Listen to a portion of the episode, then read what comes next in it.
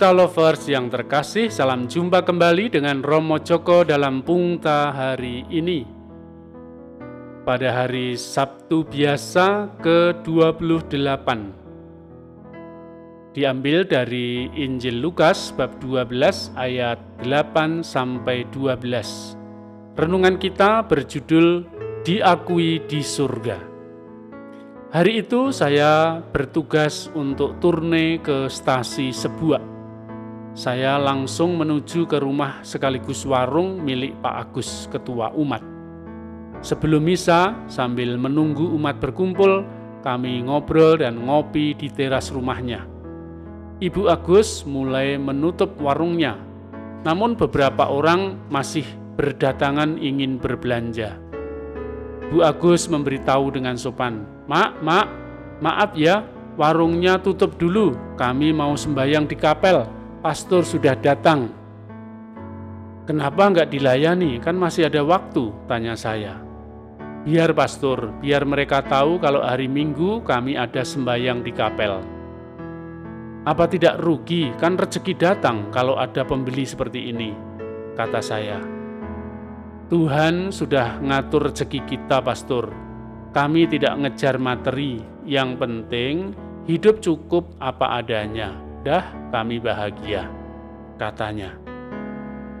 Keluarga ini tidak kaya, namun kesaksian imannya patut diacungi jempol.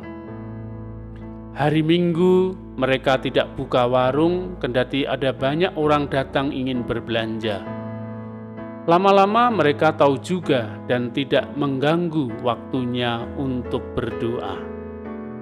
Kadang ada yang sungkan menolak pembeli, takut pelanggan pergi. Bahkan ada yang mengorbankan ekaristi demi mengejar rezeki. Membuka toko sepanjang hari Minggu dan mengaku Katolik tapi tidak ke gereja. Lebih berat jaga tokonya sendiri. Lah bagaimana kita nanti diakui di surga kalau di dunia kita tidak pernah masuk ke rumahnya? Rezeki bisa dicari asal kita mau kerja apa saja, kata Bu Agus. Pungta lovers yang terkasih, Yesus bersabda, Barang siapa mengakui aku di depan manusia, akan diakui pula oleh anak manusia di depan para malaikat Allah. Tetapi barang siapa menyangkal aku di depan manusia, ia akan disangkal pula di depan para malaikat Allah.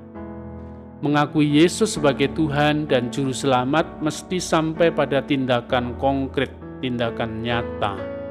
Tidak cukup hanya di mulut saja. Seperti Bu Agus tadi, ia berani mengorbankan rezekinya demi bisa berdoa ikut ekaristi di gereja. Kadang kita terjerumus oleh pemikiran minority kompleks, ketakutan menjadi minoritas. Kalau kita teguh dan berani menunjukkan kualitas hidup, minority kompleks bisa diubah menjadi minority alternatif.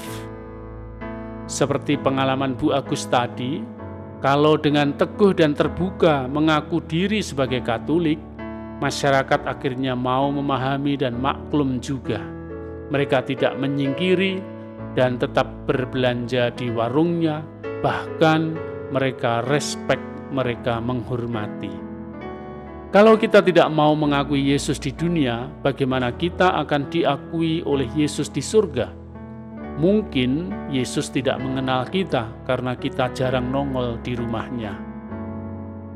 Mari kita pergunakan waktu kita untuk mengenal Allah mengakui Allah, mengakui Tuhan di dalam kehidup kita setiap hari, dalam hal-hal yang konkret dalam kehidupan sehari-hari.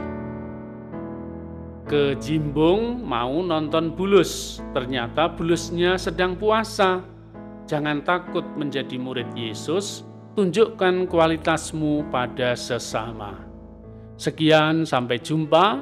Salam sehat, Jaga diri baik-baik, jangan lupa selalu bersyukur, kita pasti bahagia. Berkah dalam